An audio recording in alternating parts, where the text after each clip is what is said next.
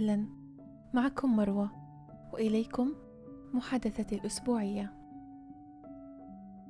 لو أخبرتك أنك تمتلك زرا يسمح لك عند ضغطه بالعودة للزمن وإصلاح ما أفسدته الأيام هل ستضغط الزر في كل مرة ستخسر فيها شيئا؟ إن كانت إجابتك لا فهذا جيد. لكن إن أجبت بنعم دعني أخبرك أنك ستبقى في دوامة للأبد. لأنك تسعى إلى إبقاء كل شيء مثالي والمثالية والحياة صفتان يستحيل جمعهما.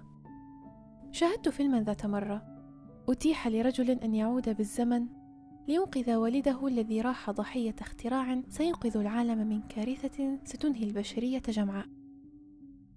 حين أنقذه للمرة الأولى وعاد للحاضر وجد أن العالم قد تدمر لكن والده قد عاش بصحة جيدة. لأنه لم يذهب ضحية الاختراع ولم ينقذ العالم. كان سعيدا لوهلة لكن لم يعجبه الحاضر فعاد مجددا لتغييره. وهذه المرة لإنقاذ والده والمستقبل معا. لكن الحارس الذي كان يعمل مع والده والذي توفي في نفس اليوم لم يستطع إنقاذه. حاول مجددا مرارا وتكرارا لكنه لم يستطع.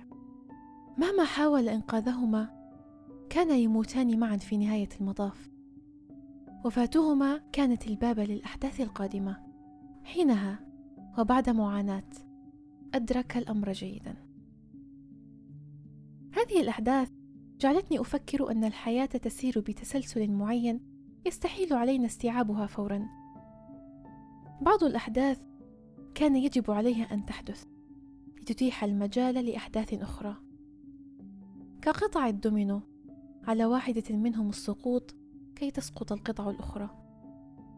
لذا ضغطك على زر العودة. سيجعلك تفقد طعم الحاضر وغموض المستقبل. سيجعلك تدور في دوامة اليأس والخوف والقلق. وفي كل مرة ستعود بها للوراء لإصلاح الحاضر ستجد نفسك تخسر أكثر مما خسرت قبل عودتك بالزمن. لذا تيقن أن ما حدث كان يجب عليه أن يحدث وإلا لن يخلق المستقبل ولن تعيش الحاضر.